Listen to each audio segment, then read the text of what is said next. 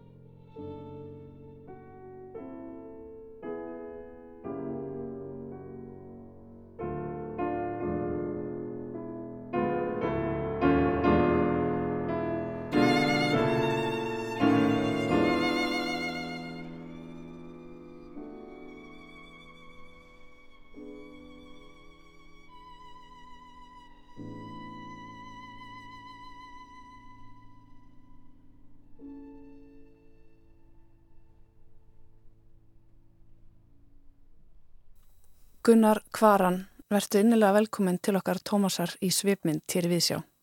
Þakka ykkur kjærlega fyrir að bjóða mér. Þú komst að sjálfsögðu með himneska tónlist með þér í farteskinu.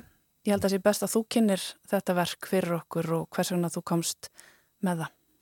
Já, sko þessi sónata fyrir fylg og píjónu eftir César Frank er í mínum huga einhver einhvern fegursta á besta verk sem hefur verið samið fyrir þessa hljófara samsetningu og að heyra þetta verk leikið af Annu Sofjú Múter það er bara heimnest og þessi, þetta verk hann gaf vini sínum þetta verk í brúðköpskjöf og ég hugsaði mér að fá þetta verk sem brúðköpskjöf þvílig gjöf. En tilfellið er að þó að maður heyri þetta verk yfirleitt alltaf leikið, eða í flestum tilfellum leikið fyrir fyrlu og piano, þá skrifaði César Frank á tittilblæðið að verkið væri líka ætlað fyrir cello og piano eða flöytu og piano. Mm. Nú, ég hef ekki heyrt þetta fyrir flöytu og piano, en ég hef heyrt þetta fyrir cello og piano. Það er alveg dásamlegt ég hef heilt Sjaklundi Prey spila þetta með Bærumbóum og það var náttúrulega bara undursamlegt en þetta er í flestum tilfellum leikið fyrir fýðlu og píjano mm -hmm. og þarna finnst mér þetta sko alveg mér finnst þetta draumaflutningur algjörlega mm -hmm. ég er gagd tekin að þessu verki Hefur þú eitthvað tíman flutt þetta verk á Sælóð? Nei ég hef svona verið að spila í gegnum það að ég er svona, getum sagt ég er ástfangin að þessu verki. En þetta er það má segja kannski að það sé að sömurleiti erfiðara að fleiti þetta á selu heldur en á fylgu og núna er ég orðin svo gammal að það er náttúrulega stór spurning hvort að ég þessi draumur muni geta ræst að ég spila þetta verk. En það væri dásamlegt að geta gert það mm. áður en yfir líkur svo ég lifi vonni Já, það er nú nöðsælegt Já. Hvernig hérna, hvernig hlusta þú á tónlist, Gunnar? Og þetta hefur mingað mjög mikið. Ég hlustaði gífulega mikið á allt sem ég gætt fundið því ég var yngri.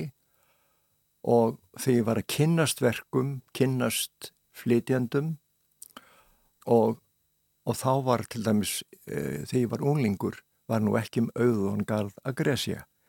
Þannig að ef maður frétti af einhverju plötu niður í bæi, einhverju hljóðfæraveslun, þá náttúrulega var maður rokinn þangað og svo voru, voru náttúrulega til menn og konur sem söpnuðu, höfðu farið til útlanda og keftu plötur og þá náttúrulega reyndi maður að gera allt til þess að fá að hlusta á þessi verk og þannig að núna er bara allur tónlistarheimurinn opinn ef að fólk vil nálgast hann, þetta er náttúrulega allt, allt annað.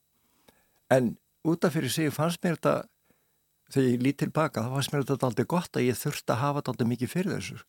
Sko, ég hef því ég hef stundu verið að kenna til dæmis kammertónlist í listaháskólanum að þá hef ég kannski verið að hitta hóp í fyrsta við annarskipti með eitthvað frekt verk og ég, ég hef stundu spurt þetta unga fólk, já já þið náttúrulega eru bú, búin að heyra þetta verk náttúrulega í mörgum útgáfum og, og þið þekkja þetta til lítar og þá hefur stundu fengið, þá hefur stundu komið heika fólkið og það hefur sagt, heyrðu, nei, reynda ekki.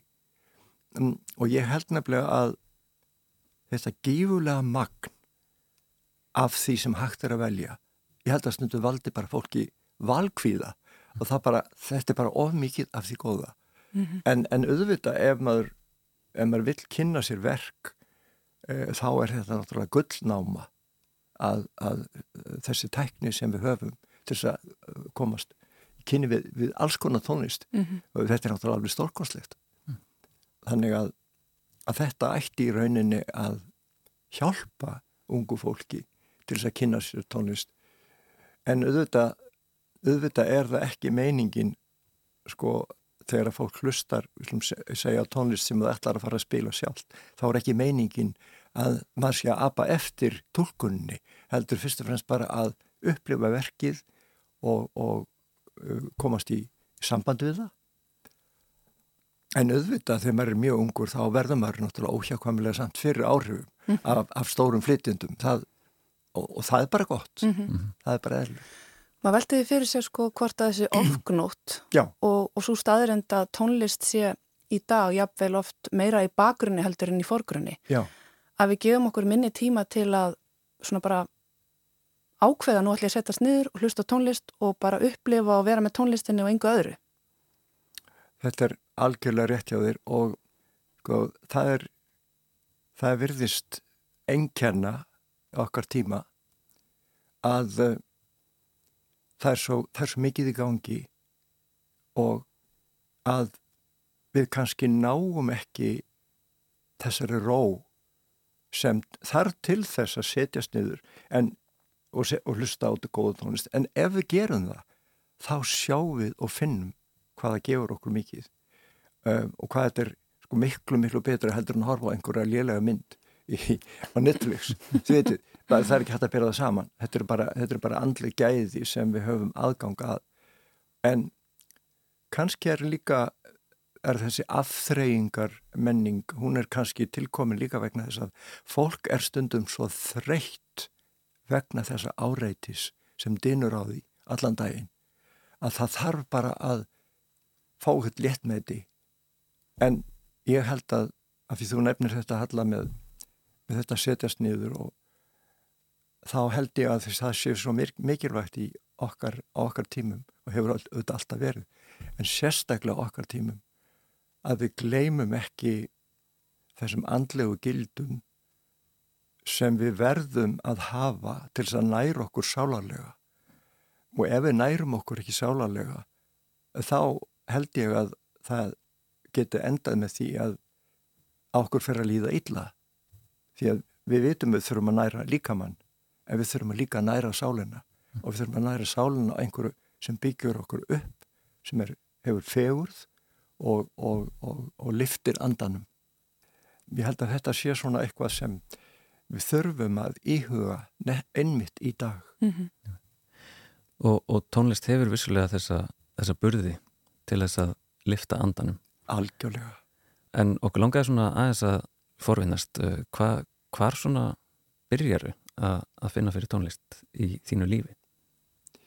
Já, ég held nú að ég hafi sko, ég held ég sé uh, upphaflega hafi músikalska hæfileika. Ég var mjög næmur á, á tónlist og ekki að, að ég væri sko beint alin upp í að ég var alltaf hlust á tónlist en, en það var eitthvað kannski við mér sem gerða verkum að fóröldra mínir sendu mig því ég var 8 ára í ný, nýstopnaðan tónlistaskóla fyrir börn. Eh, Barnamúsikskólinn var hann kallaður og það var Heinz Edelstein frá mikli forkólufur, selvoleikari sem stopnaði þennan skóla. Hann var, var gýðingur og flottamöður og kom frá Þísakalandi og komst hingaði íllan leik og dvaldi hérna í mörg ár og hann stopnaði þennan merkaskóla og ég var sendur, ég held að þetta hafi verið fyrsta árið sem skólinn hóf göngu sína. Og þetta hefur líklega verið 52 eða 3 og þarna uh, þurfti maður að standa skil á því maður þurfti að læra, ég læriði fyrst á blokkflötu eins eins og er mjög algengt eða var mjög algengt. Og uh, eftir eitt ár þá þá innfærði hann hérna hljóðfæri sem var kallið gíja það var svona strókljóðfæri þetta var svona eins og stór viola eð, eð, sem hjælt á milli hótana og þetta hugsaði hann sem undirbúinsljóðfari fyrir strengjaljóðfari, alvöru strengjaljóðfari og ég lærði á, á gíu hjá honum í þrjú ár. Og þá var ég búin að fyrir fjögur ári skólanum hjá honum og þá var komin að það úrslita stundu að vegna þess að þá var hann með lítinn hóp af fólki sem hafði stundan ám allan tíman og hafa með svona litla gíu hljónsvitt og það var svo skemmtilegt. Að vorinu þá held hann tónleika ofinbæra tónleika. Og þegar tónleikaði voru búinir þá bauðan okkur alltaf í, í það fengum við sukulæði fórum við inn á laugaveg fengum sukulæði og rjómaköku. Þannig að þetta var svona alveg storkoslegt móment en svo var komið að þessari ákvörðun. Og við stóðum fyrir framann þennan merkamann, ég gleyndi þessu aldrei. Og hann horfði á okkur svona rannsakandi. Og svo bent hann bara á fólk og sagði þú átt að spila fýðlu og svo kom hann að mér benti á mig og sagði þú átt að spila cello. Og ég bara ég rækki kút og sagði mér já, það þýðir náttúrulega ekki að mótmála þessum manni.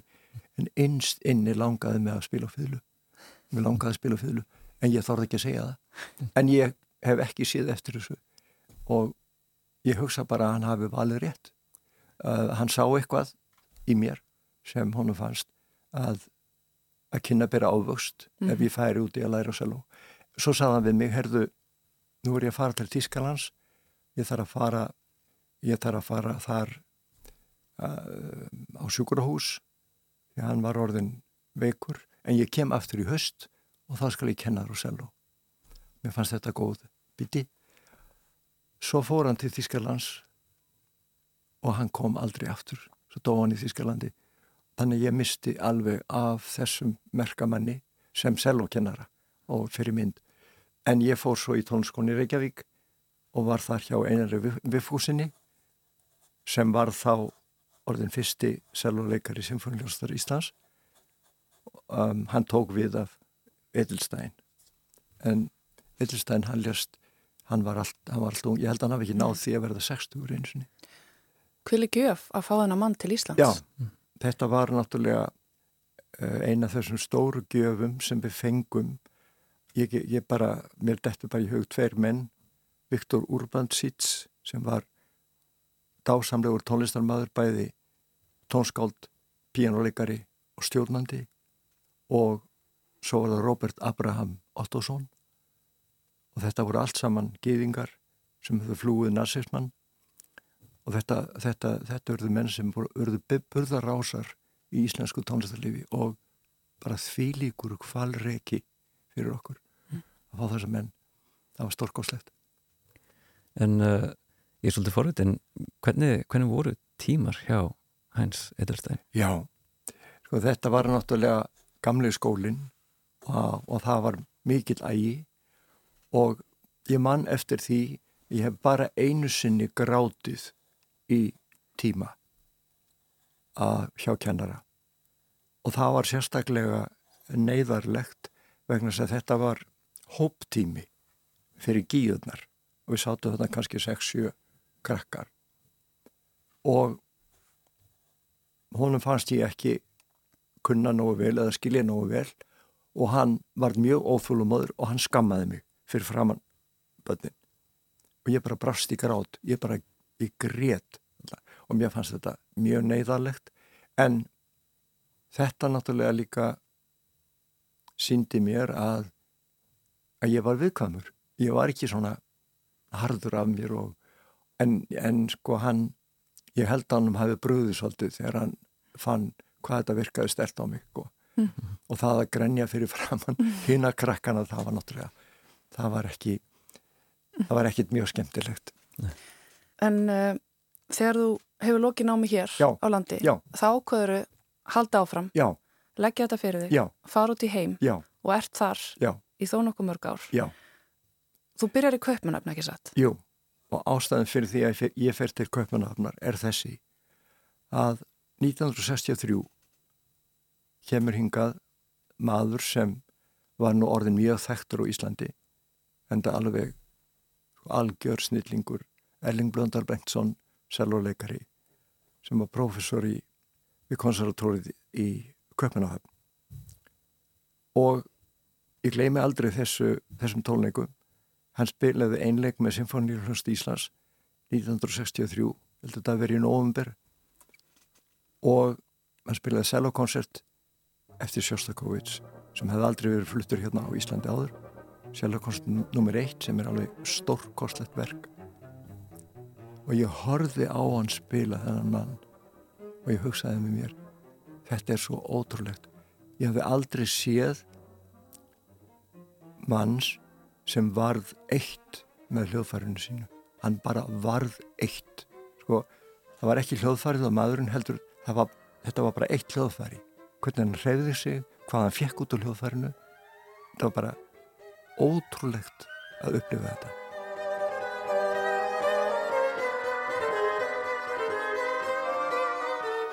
Og ymmit á þeim tíma þá var ég alveg ákveðin ég að fara erlendis. Og ég var að hugsa um að fara til London og, og ég hugsaði mér nú tekur þú bara rögg á þig og þú hefur samband við Erling Blöndal Bengtsson og þú farð að spila fyrir hann. Þetta var náttúrulega hrigarlega erfitt þegar ég hugsaði mér að spila fyrir þennan mann með svona litla kunnáttu. Svo ég hitt hann hérna upp í útastúsinu við skólagötu og hann sést niður og hann segi gerð svo verið spilaðu. Og ég spilaði einn kabla úr baksvítu. Og ég, ég sagði við hann, herðu hvað finnst þér að ég að gera? Lang, ég svona, hef verið að hauka svo mikið á London. Og þá horfur hann á mig og hann segir heyrðu, akkur kemur ekki til köpanaflar og læri hjá mér? Og ég bara starði mannin og hugsaði mér að læra hjá þessum snillingi? Jú, ég sagði, já takk. Og tveimur mánuðu síðar var ég komin til köpanaflar til þess að læra hjá Erling Blöndar Bengtsson þessum höfu snillingi sem í rauninni sko, ég sé alltaf betur og betur hann varð frægur en hann varð aldrei eins heimsfrægur eins og margir aðrir en hann var fullkominn snillingur á sitt hljóðfæri, hann var, var séni sko hann var séni. Og hérna það var náttúrulega ótrúlegt að, að koma til hans. Og ég var fyrst hjá honum í engatífum í eitt ár að því ég vissi ekki alveg hvað ég myndi gera. Og um, að mér fannst ég læra gífulega mikið og ég er náttúrulega ég kunni mjög litið í raun, ég kunni mjög litið en hann fór í gegnum, uh, gegnum mjög mörgu verk með mér strax á fyrsta ári. Og svo eftir eitt ár þá sagði ég, heyrðu, nú hefði ég huga á því að komast inn í konservatórið. Má ég prófa að fara í indökupróf? Og hann sagði sjálfsögðu, bara. Og svo undir byggum við þetta mjög vel og, og ég fó, komst hann inn. Þannig að ég var hjá Erling Blöndal í sjö ár, sem er langur tími, en eftir fjögur ár þá kom hann á mál við mig og sagði, heyrðu Gunnar, mig vantar aðstóðarkennara. Getur þú hugsaðir að taka þetta að þér? Því ég er mikið á ferðarlegi og stundum þá get ég ekki bætt upp tímana og nú er komið, uh, það er búið að gera þá áætlun að hver nefandi sem er með sel og sem aðalfag fær tvo tími í viku. Eitt tíma hjá profesornum og eitt tíma hjá aðstofakennarinn. Og ég náttúrulega var sko heiminlífandi og ég sagði mér því líkur heiður og, og en ég, mér fannst þetta líka mikil ábyrð en þarna eiginlega byrjaði, fjekk ég þessa ótrúlegu reynslu að kenna á háskólastígi Þetta hefur verið magnaður skóli. Var einhver Já. tími í köpunafn á þessum árum þannig að þetta ungu maður að koma út í heim í fyrsta sinn mm var einhver tími til að upplega borginna og, eða var þetta stöðu vinna? Hvernig var þetta, þetta líf? Þetta var mikil vinna en sérstaklega fyrsta árið þar sem ég var í enga tímum þurfti ekki að vera í öllum þessum aukafögum þá fór ég á tónleika þrjusar fjórsum í viku. Ég bara hlustaði á allt og alla sem ég gæti komist mm. í tæri við. Og, og þá var þetta alveg geysilega gefandi því að öll heimsnöfnin komu til köpanarnar Þannig heyrði ég alla stæstu selvoleikara veraldar og auðvitað, pianista, söngvara og en um, þetta var mjög lærdómsríkur tími og þetta var, þetta var náttúrulega, þarna var ég í raunin að leggja grunninn að mínu lífstarfi eh, bæði náttúrulega sem hljóðfærileikari en líka sem kennari. Mm -hmm. og og það var eiginlega það sem mér fannst vera það mikilvægast að mér langaði til að helga mér helga mér kens, kenslu og og ég fekk að gera það. Og það er bara gjöf. Mm -hmm. og ég man eftir því að ég þegar ég var ungur drengur kannski 10-11 óra þá var fadur minn ævar er hvaran leikari, hann var með sinn eigin leiklistarskóla. Og hann bauð mér að koma einu sinni og, eða tvisar og hlusta á kjenslu og ég kom þarna inn og þá tók ég eftir því hvað mér fannst hann vera góður kennari. Og ég fekk svona einhvern veginn smjörþefin af því hvaða væri í rauninni hillandi að kenna. Mm -hmm. og og svo fylgdi þetta mér áfram og þegar ég var beð, svo, svo bað, svo bað Stefán Edelstein mig um að taka að mér kennslu árið áður en ég fór utan að kenna gíu. Og það var byrjun mm -hmm. svo, svo það, það kveikti í mér þarna strax því ég var 19 ára og þá byrjaði ég að kenna. Og ég kendi öll námsárin. Mm -hmm. og, og líka sérstaklega náttúrulega eftir ég fekk þessu stöðu. Mm -hmm. En meðfram því að vera hljóðfærarleikari og gefa út fullt af tónlist og, og vera stöðut að spila og Já. og sko að leggja hljóðfærarleik og kennslu fyrir já, sig að æðistarfi er ótrúlega vinna og þú já. getur aldrei slegið slöku við, þú ert alltaf að vera æfaði þér í þjálfun. Um, myndur þú segja að þetta væri köllun? Já, þetta verður ekkit gert á þess að þetta sé köllun það er bara þannig að eh, þessi ástríða hún er svo sterk og hún verður að vera svo sterk vegna þess að stundum er þetta svo erfitt og krefjandi og maður verður fyrir sem miklu mómbröðu með sjálfa sig að ef maður hefði ekki þessa, þessa köllun, þessa ástríðu þá held ég að maður myndi stundum bara hreinlega gefast upp mm -hmm. en í gegnum þessa miklu baróttu þá þá hefur maður haft tækjafæri til að þroskast og þróast í baróttunni við sjálfan sig og við tónlistina þetta hefur verið sko, ég hef aldrei átt erf auðvilt með að tilningað mér og læra. Það er ekki auðvöld fyrir mig að spila hljóðfæri. ég hef orðað að vinna ótrúlega hörðum höndum að því og ég hef oft séða bara hjá kollegum mínum eða nemyndum mínum eða öðrum að þeir eiga miklu öðveldra með þetta heldur en ég. En ég hef sagt allt í lagi. Þú er svona gerður, þú þarfst að hafa meira fyrir því. Og til dæmis ef ég teg konununa mína við spilum nú 3 og 30 ár saman Gunni Guðmundsdóttir fyrirleikari og fyriröndi konstmistari hjá symfóníinni og ég sagði alltaf við Gunni Gunni mín, til þess að ég geti spila með þér svona nokkur daginn sama plani þá þarf ég að æfa með tíu sinni meira. Hún bara hlóaði mér, en þetta er satt Það er uh, komin tími á næsta lag Já. Skulum setja það á fónin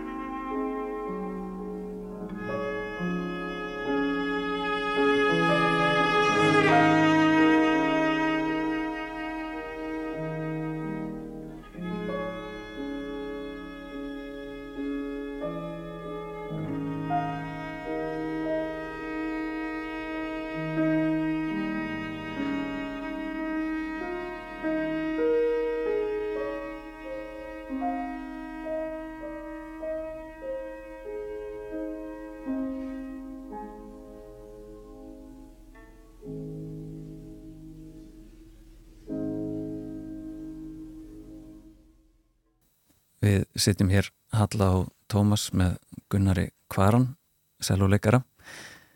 Mætti ég spyrjaði Gunnar, hvað hva voru að heyra hérna? Já, þetta er söguleg upptaka með Pá Kassals þar sem hann leikur á selóðu sitt í Kvítahúsinu 1961 þegar Kennedy var fósiti. Þeir eruðu miklu vinnir og rættu mikið saman. Þarna er Pákasals 86 ára og eh, mér finnst það alveg ótrúlegt að maður sem er búin að ná þessum aldri og búin að fara í gegnum allt sem hann fór í gegnum. Hann fór í gegnum þrjár erfiðar styrjaldir. Borgarastriðið á Spáni, fyrstu og aðra heimstyrjaldina. Og hann lýsir þessu alveg geysilega vel í æfisögusinni sem er nú komið út á íslensku. Ljós og skuggar á langra leið, en dásamlega bók.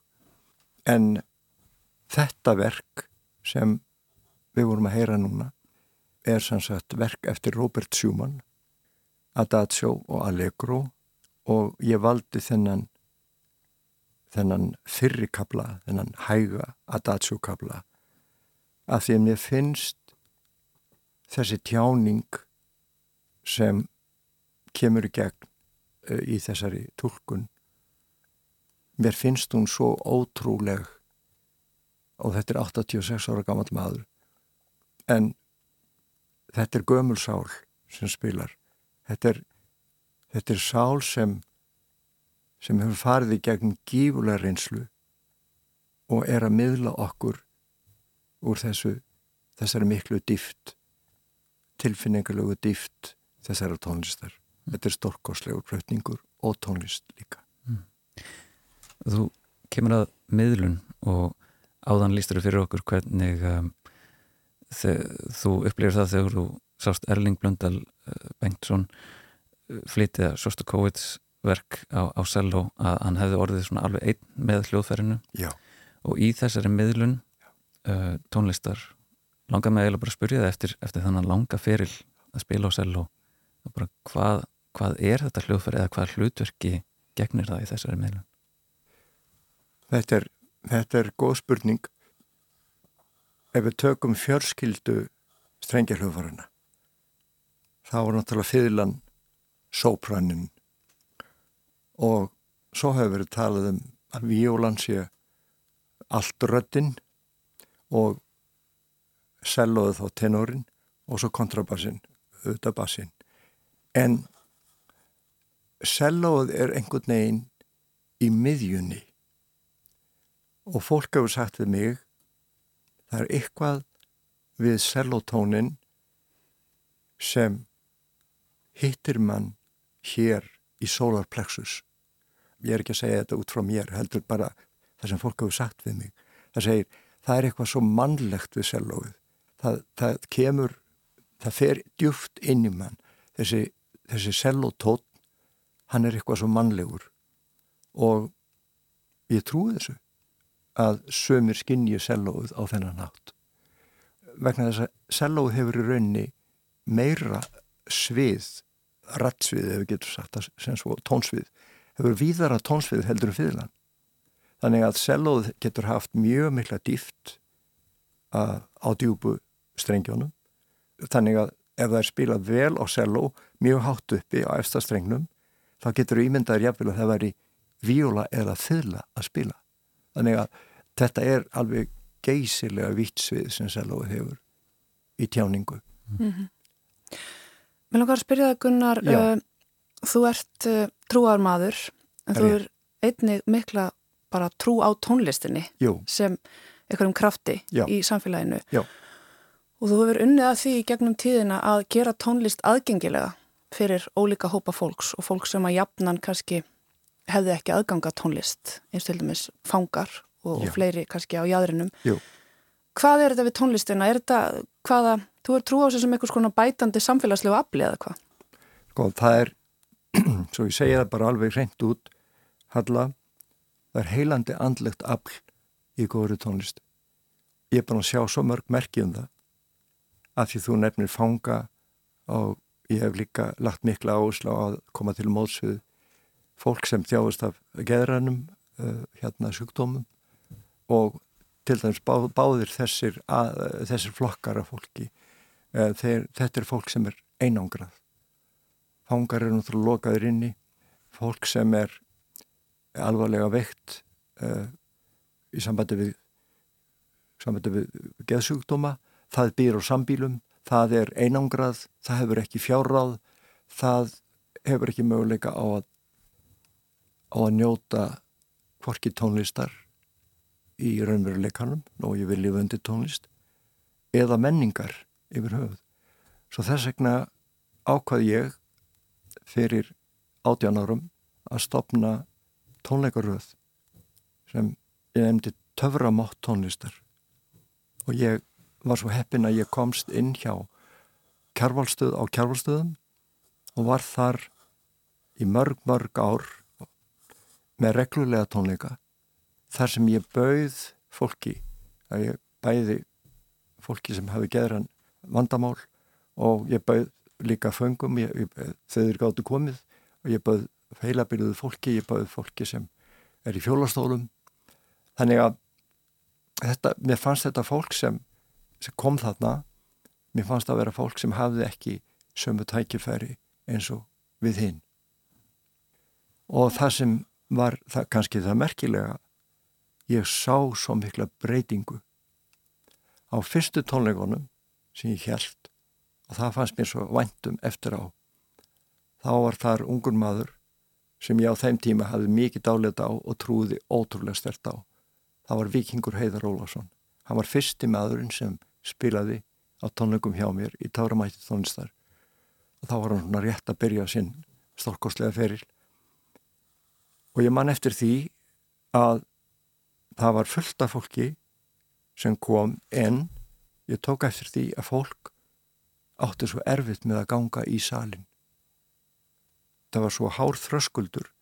Bara það að ganga inn í salin og setjast var mörgum svo erfitt að það það, það gat, fólk gæti alltaf gert það. Það lættist með veggjum. Og ég hugsaði með mér nú, nú er þetta fólk komið á réttan stað.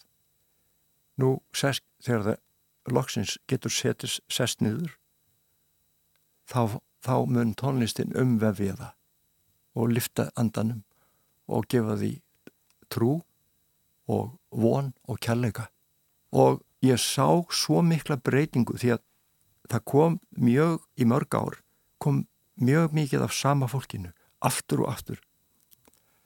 Og fólk sem hafði eins og ég segi skriðið með veggjum eða gengið með veggjum það, það fór að sína af sér allt aðra hegðan það kom opið og í, í góðu skapi heilsaði mér og gekk bara inn eins og það hefði aldrei gert annað.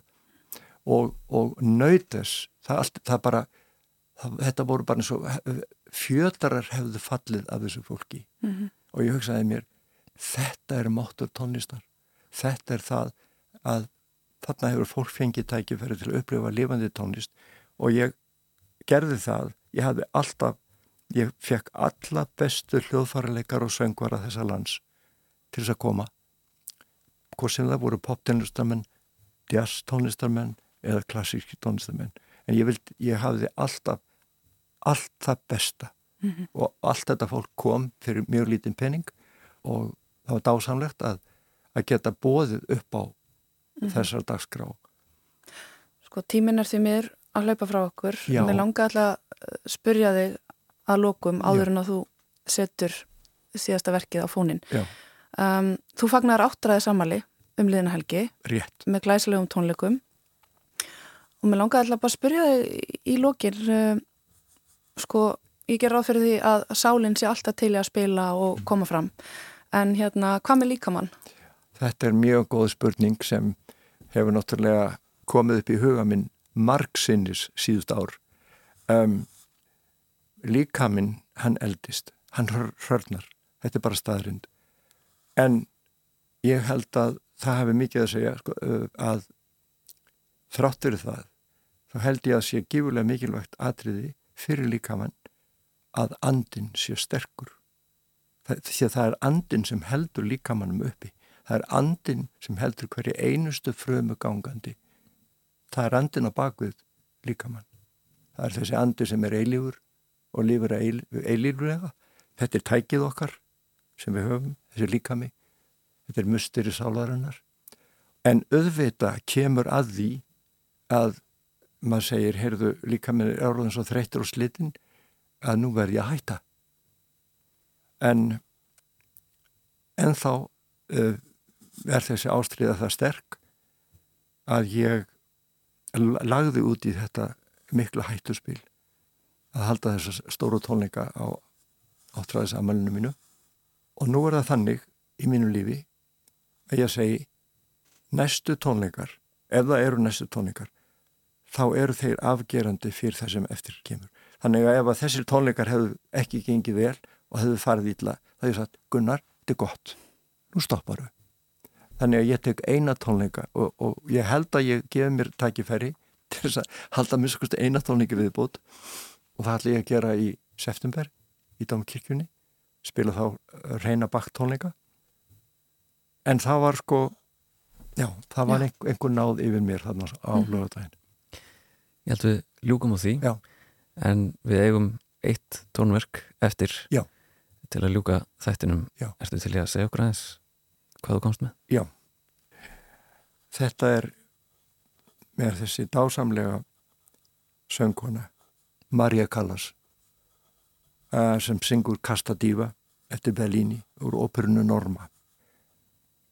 Það er eitthvað við þessa konu